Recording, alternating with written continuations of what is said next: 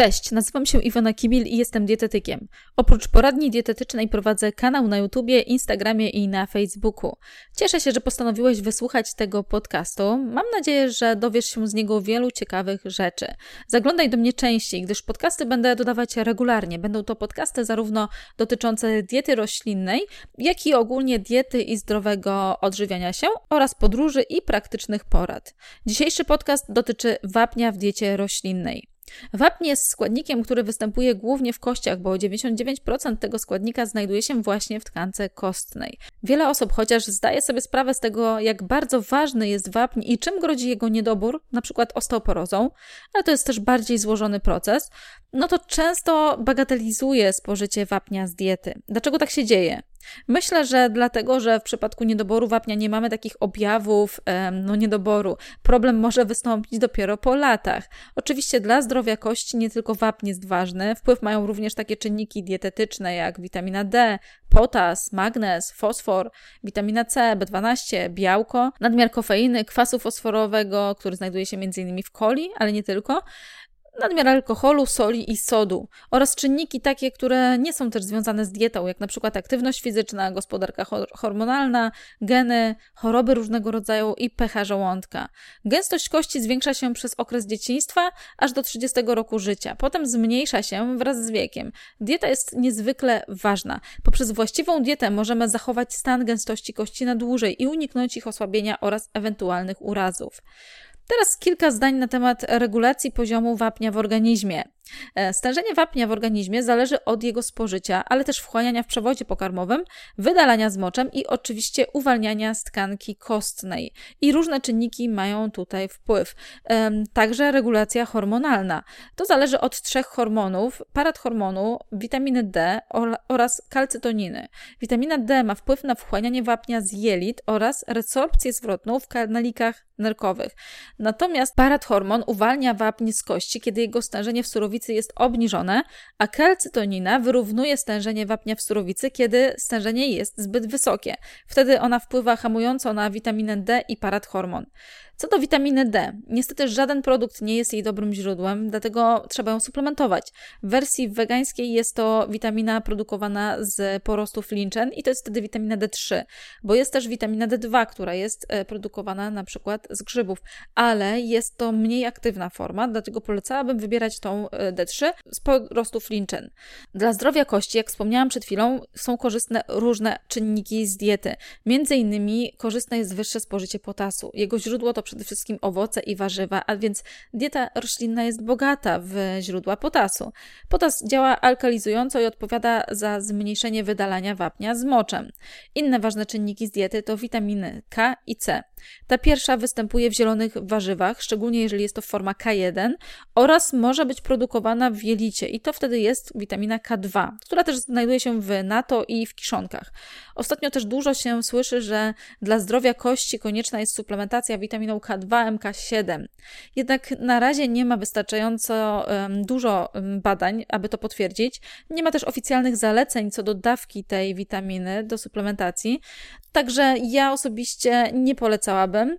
E, polecana jest dla, jedynie dla osób, które mają takie zalecenie zdrowotne od lekarza albo ze względu na wyższe spożycie z jakiegoś powodu witaminy D3 z diety. Natomiast nie należy suplementować tej e, witaminy tak po prostu ze względu na modę.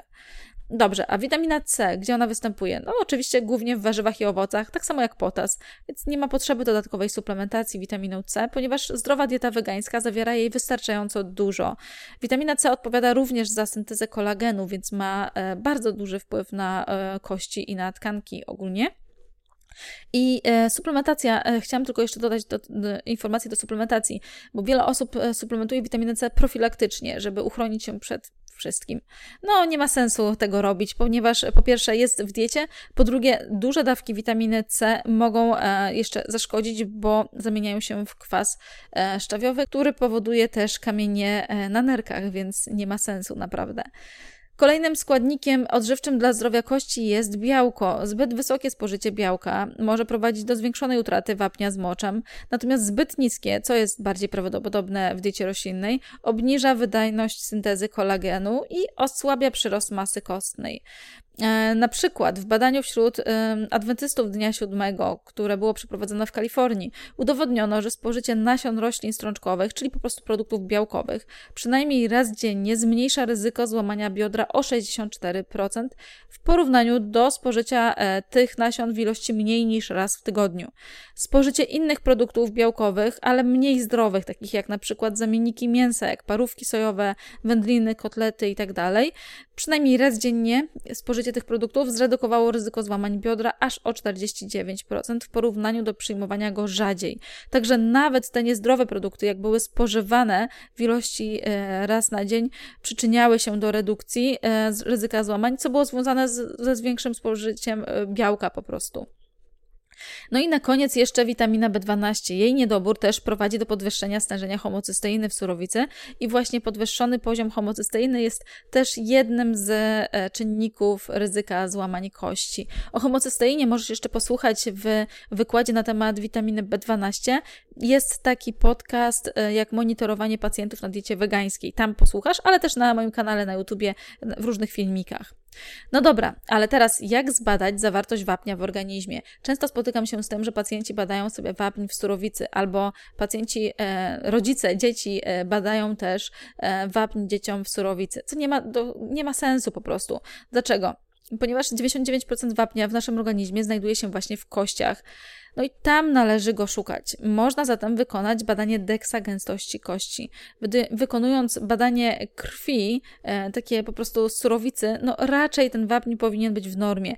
Jeżeli jest zaburzone stężenie wapnia w surowicy, to możemy podejrzewać schorzenia przytarczyc, tarczycy, zaburzenia metabolizmu witaminy D, na przykład podwyższony poziom hipo, hipoalbuminemię, czyli niski poziom albumin w organizmie, albo na przykład ostre zapalenie trzustki. Także jeżeli już badamy gęstość kości, to badanie DEXA. Jakie są normy spożycia wapnia? Ile tego wapnia w ogóle na dzień powinno się spożywać? Dla osób dorosłych jest to 1000 mg na dzień. Wydaje się, że jest to sporo, ale naprawdę spożycie takiej ilości nie powinno stanowić problemu. Nie jest konieczne spożywanie e, wielkich ilości wapnia z diety, takich większych niż 1000 mg, a nawet może być trochę mniej, jak na przykład 800 mg, bo wystarczy jeszcze dodać wodę do jadłospisu i wysoko zmineralizowana woda, ale średnio zmineralizowana i taka kranowa też będą miały wapń. One wszystkie mają wapń. Ta wysoko zmineralizowana może mieć nawet 200 albo 300 mg wapnia na litr. Ta, która będzie średnio zmineralizowana, będzie miała około 100 mg, no a wszystkie e, takie źródlane i kranówy będą miały mniej, ale zawsze coś tam jeszcze się znajdzie, więc pijąc wodę przygotowując e, pokarmy e, na wodzie, też mamy z tego wapń. No dobra. Jak się przedstawia sprawa gęstości kości u wegetarian w badaniach?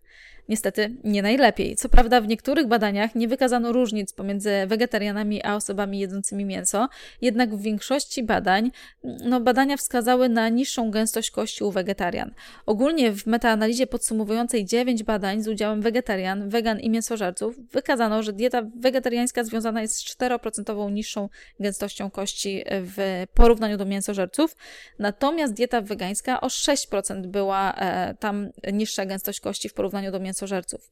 Spożycie wapnia miało tu spore znaczenie, bo wegetarianie, którzy spożywali ten składnik w zalecanych ilościach, nie mieli większego ryzyka złamań kości. No i co ciekawe, w innych badaniach też wykazano podobne e, wyniki.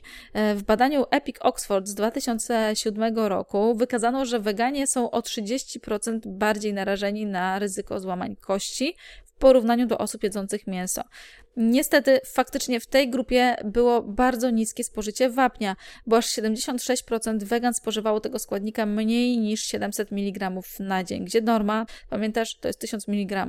Kiedy jednak wyniki skorygowano pod kątem samego wapnia i wykluczono takie czynniki jak na przykład hormonalne, palenie papierosów i tam był chyba nawet stan cywilny w tym badaniu, o ile dobrze pamiętam, okazało się, że weganie, którzy spożywali minimum 525 mg wapnia na dzień, nie mieli podwyższonego ryzyka złamań kości, więc wystarczyło zjadać trochę powyżej połowy zapotrzebowania dziennego. W 2016 roku e, ponowiono znowu wyniki, e, znowu uzyskano wyniki z tego badania. Było już trochę lepiej. Weganie odznaczyli się dużo wyższym spożyciem wapnia. Kobiety spożywały średnio 839 mg, a mężczyźni średnio 862 mg na dzień. Do takiego wzrostu spożycia przyczyniły się przede wszystkim produkty wzbogacane w wapń, takie jak napoje roślinne, różnego rodzaju jogurty, sery, e, jakieś desery roślinne. Na polskim rynku też mamy e, dużo takich produktów. Mamy na przykład tofu wzbogacane wapń, mamy różnego rodzaju mleka roślinne. One są w różnych krajach europejskich mm, w większej ilości, na przykład w UK, Irlandii, Belgii czy Francji albo Słowenii są w bardzo dużej ilości, ale też widzę, że w Polsce ten trend rośnie i coraz więcej takich produktów można znaleźć e, w sklepach. One są łatwe w użyciu, są smaczne, są idealnym zamiennikiem nabiału w diecie, dostarczają e, składników odżywczych, chociaż nie wszystkie, o czym będę jeszcze za chwilę mówić. No i szczególnie, szczególnie są pomocne w uzupełnianiu diety dzieciaków. No dobra, a jak to jest jeszcze z innymi produktami e, w diecie roślinnej? Skąd ten wapń czerpać? Jak mówiłam, niektóre z produktów roślinnych zawierają wapnia więcej. Jednocześnie są to produkty, które mają wyższą biodostępność wapnia niż inne. Są to przede wszystkim te roślinne zamienniki na biało, o których mówiłam, oraz tofu i tempeh. Biodostępność wapnia z tych produktów jest na poziomie około 30%, czyli takim samym jak z nabiału i ogólnie produktów e, takich mlecznych, z mleka. Mm, chciałabym w tym miejscu zwrócić uwagę szczególnie na dietę małych dzieci w wieku 1-3, bo mają one zapotrzebowanie na wapń 700 mg, gdzie to jest e, bardzo zbliżone do zapotrzebowania osoby dorosłej, a jednocześnie jest e, ta ta porcja taka trudniej osiągalna dla nich. Aby dziecko miało więc odpowiednią ilość wapnia w diecie, trzeba więc podać mu przynajmniej jedną porcję takich roślinnych zamienników na białe, jak na przykład jedna szklanka napoju, czy cztery na przykład plasterki tofu. No bez tego trudno jest uzupełnić dietę dziecka w wapni. Po prostu inne produkty zawierają mniej tego składnika i mają niższą biodostępność. Przykładowo, biodostępność wapnia z orzechów, nasion, fasoli, maku czy sezamu to około 15-20%. Jedynie zielone warzywa liściaste mają większą biodostępność, bo już na poziomie 40-50%. No i szczególnie dobrym źródłem tego składnika będą takie warzywa jak jarmuż, e, kapusta pokczoj, kapusta włoska, brokuły, fasolka szparagowa, liście rzepy czy rukiew wodna. Niestety tutaj przeszkodą może okazać się porcja. O ile jest możliwe, że Twoje dziecko zje w ciągu dnia 80 gramów tofu lub wypije jakieś 250 ml napoju roślinnego, to raczej jest średnio możliwe, żeby dzień w dzień zjadało całego brokuła lub główkę kapusty, a właśnie tyle trzeba by było zjeść, żeby dostarczyć takiej samej ilości wapnia z diety, jak ze szklanki napoju roślinnego czy czterech plasterków tofu. A więc teraz pytanie do przeciwników e, tofu czy napojów roślinnych wzbogacanych w wapnie. E, czy wasze dzieci naprawdę zjadają główkę kapusty na dzień? Nie sądzę. Więc e, zwróćcie uwagę na te produkty, bo dzięki nim jest łatwiej po prostu uzupełnić dietę dziecka. O tych produktach jeszcze za chwilkę będę mówić, jakie produkty wybierać. Ale dlaczego niektóre produkty roślinne są w ogóle lepszym źródłem wapnia od innych? O co chodzi z tą biodostępnością? Przede wszystkim ma to związek z zawartością kwasu szczawiowego i kwasu fitynowego w żywności. Kwas fitynowy występuje w różnych ziarnach, nasionach strączkowych, orzechach itd. Tak I podczas y, moczenia nasion oraz gotowania on jest redukowany w dużej ilości, ale również witamina C, dodatek witaminy C do diety, czyli po prostu jakieś warzywa lub owoce, będą znosić jego negatywne działanie. Natomiast kwas szczawiowy jest głównym inhibitorem w przyswajaniu wapnia z diety. No i warzywa, które bogate są w szczawiany, jak na przykład szpinak, szpinak, botwina czy e, szczaw mają znikomą biodostępność wapnia, dlatego że chociaż ten składnik w nich występuje, to nie należy go traktować jako źródło, bo ten stosunek molowy kwasu szczawowego jest dużo wyższy i wapń nie jest biodostępny. Ale to nie jest tak, że trzeba unikać całkowicie buraków, szczawiu, szpinaku i tak. Wystarczy do takich produktów dodać coś z wapniem, na przykład dodać tofu albo napój roślinny z wapniem. No i dzięki temu wyrównujemy ten stosunek molowy wapnia do kwasu szczawiowego i wapń jest już dostępny. Więc na przykład jak mamy szpinak, to można dodać trochę tofu. Jak mamy na przykład um, szpinak w koktajlu, to wystarczy dodać trochę mleka roślinnego i też to już załatwia sprawę. Które napoje roślinne są dobre, e, które należy wybierać i dlaczego, i dla których nie należy wybierać? Kilka zdań na ten temat. Wybierając napój roślinny dla siebie czy dla swojego dziecka, trzeba zwrócić uwagę na kilka istotnych rzeczy. Przede wszystkim, czy zawiera wapń. Wielu rodziców rezygnuje z podawania takich napojów dzieciom, gdyż obawia się dodatków w składzie. No, nie jest to dobre podejście. Oczywiście unikajmy zbędnych dodatków, ale składniki takie jak wapń, e, witamina B2, która może być w składzie oznaczona jako ryba, ryboflawina, czy witamina B12 jako cyjanokobalamina, te są potrzebne. Umówmy się, że B12 niekoniecznie musi być spożywana z napojem roślinnym, bo dziecko i tak otrzymuje dodatkową suplementację. No zresztą w napoju roślinnym byłoby zbyt mało witaminy B12, aby w ogóle miała ona znaczenie w diecie dziecka. Jednak wapń jest bardzo potrzebny i, jak już wcześniej wspomniałam, trudno jest dostarczyć odpowiedniej ilości tego składnika bez dodatku tych napojów fortyfikowanych. Zatem, wybierając napój roślinny, zwróć uwagę na to, czy jest w nim wapń. Powinien być w ilości około 120 mg na 100 ml produktu. Czyli po prostu jest to zbliżone składowo do mleka krowiego, na podobieństwo mleka krowiego. Podawanie mleka kokosowego z puszki, czy jakichś tam produkowanych napojów w domu roślinnych, e, na przykład na bazie kasz czy orzechów, no nie będzie dobrym rozwiązaniem, gdyż cały czas będzie brakować wapnia. Mleko kokosowe jest ubogie w wapń, natomiast e, napój taki robiony w domu będzie nie tylko ubogi w wapń, ale również będzie zawierał dużo fosforu, który dodatkowo jeszcze ograniczy przyswajanie wapnia z jelit. E, fosfor znajduje się głównie w zbożach, kaszach, orzechach, nasionach, ale też w wielu niezdrowych produktach, takich jak napoje gazowane. No i fosfor, kiedy jest spożywany w nadmiarze, może blokować przyswajanie wapnia, bo zbyt duże spożycie fosforu będzie powodować wzrost e, stężenia parathormonu we krwi i ten z kolei będzie obniżał stężenie i nasilał, nasilał wchłanianie wapnia z kości, aby zachować homeostazę tego składnika. E, no i z tego powodu stosunek do, wapnia do fosforu w diecie nie powinien przekraczać 1 do 1. Zatem unikajmy takich napojów, które nie są wzbogacane w wapń, bo one będą miały dużo fosforu. E, I zauważ, że na przykład gotując e, kaszę jaglaną, załóżmy na takim napoju niewzbogacanym w wapń, to ona jest uboga w ten składnik i ma bardzo dużo fosforu, a gotując na e, szklance jakiegoś tam napoju z wapniem, mamy i fosfor, i wapń w tym posiłku, więc wyrównuje się stosunek molowy i dzięki temu wapń jest lepiej dostępny. No dobra, ale co z domowymi mlekami produkowanymi z migdałów lub sezamu, czyli takich produktów, które zawierają więcej wapnia w porównaniu do pozostałych? Będą zawierać więcej wapnia, tak, faktycznie, ale cały czas jest to niższa biodostępność tego składnika, bo jest na poziomie 15-20%. Jak pamiętasz, 30% to są napoje roślinne i tofu, a jakieś 40-50 to są zielone warzywa. Dodatkowo nie wiemy, ile dokładnie wapnia znajdzie się na szklankę gotowego mleka. Część z tego składnika przejdzie do wody podczas moczenia migdałów, część zostanie stracona podczas płukania orzechów, część zostanie e, w migdałach po wyprodukowaniu tego gotowego mleka. Oczywiście woda też będzie źródłem wapnia, więc można po prostu sobie policzyć, ile na przykład wapnia jest w wodzie, które, którą używamy do wyprodukowania mleka, ile jest w tych migdałach, w porcji migdałów.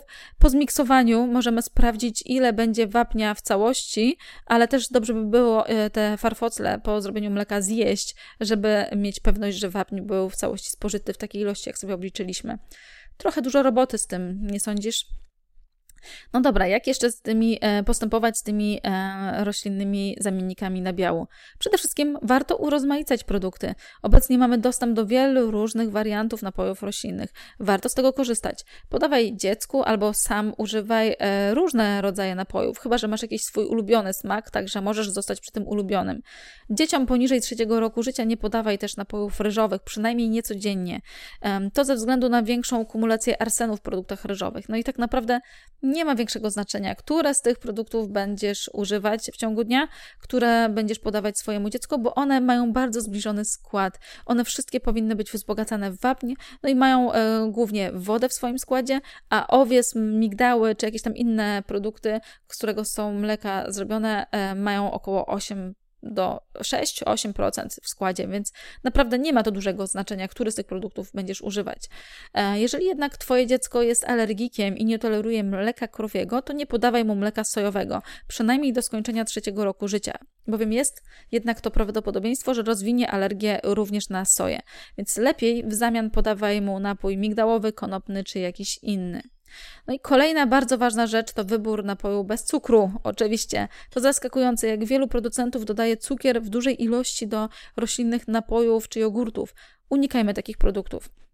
Jeszcze chciałam tylko dodać, że niestety większość jogurtów roślinnych dostępnych na naszym polskim rynku jest niewzbogacanych w wapń albo bardzo słodzonych, więc też uważajmy na takie produkty, bo te, które nie są wzbogacane w wapń, no to one są fajnym dodatkiem smakowym do diety, ale no jak będą podstawą e, jakiegoś posiłku u dziecka, no to jednak to nie będzie wartościowy posiłek.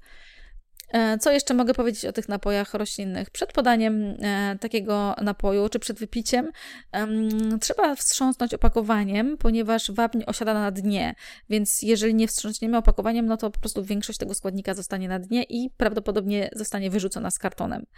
E, napoje roślinne można dodawać do diety pod różną postacią, pod postacią koktajlu, kakao, dodatku do owsianki czy budyniu i już e, dodając szklankę takiego napoju w ciągu dnia mamy około 300 mg wapnia e, z 1000 mg e, normy dla osoby dorosłej albo z 700 mg normy dla dziecka 1-3. Dziecko w wieku 4-6 potrzebuje 1000 mg, natomiast dzieci starsze potrzebują nawet 1300 mg, co to ten, bez tego napoju naprawdę jest trudno zrobić.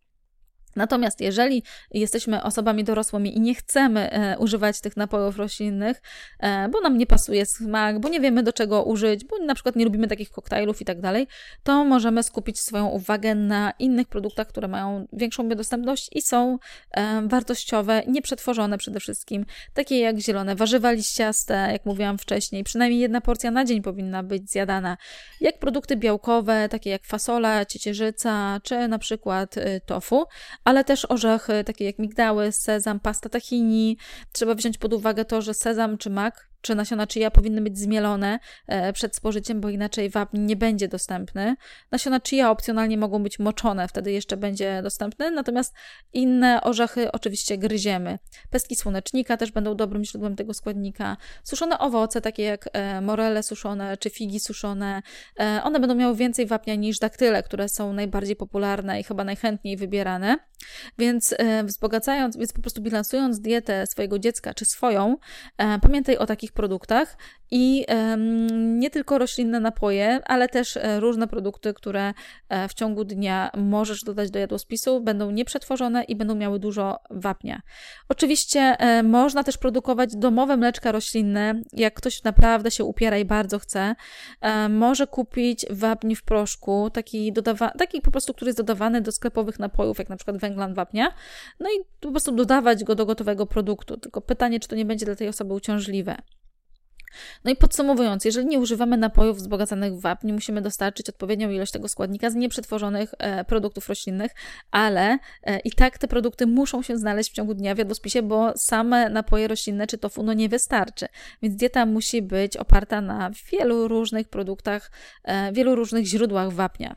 Jest to do zrobienia oczywiście, jednak trzeba pamiętać, aby no po prostu przynajmniej na samym początku zmiany diety zwrócić uwagę na to, które produkty są źródłem wapnia. Um, artykuł na ten temat znajdziesz też na blogu vegetarian.com, więc tam możesz sobie wydrukować, zajrzeć i po prostu ściągnąć um, informacje um, w tym zakresie. A ja dziękuję za uwagę. Gdybyś miał pytania do podcastu, możesz zadać je pod tym podcastem na moim kanale na YouTubie. Będzie mi bardzo miło, jak zasubskrybujesz mój kanał, wpadniesz do mnie na Instagram i na Facebooka. Akurat jestem w Sopocie, zwiedzam niewegańskie restauracje i sprawdzam, co dobrego roślinnego można w nich zjeść. Więc myślę, że następny podcast będzie poradnikiem, jak sobie radzić z jedzeniem na takich wyjazdach, bo mam duże e, doświadczenie w tym zakresie, ale szykuję też inne bardzo fajne podcasty, na przykład z lekarzem pediatrą więc zachęcam Ciebie do zaglądania, na pewno będę regularnie coś dodawać. Do usłyszenia.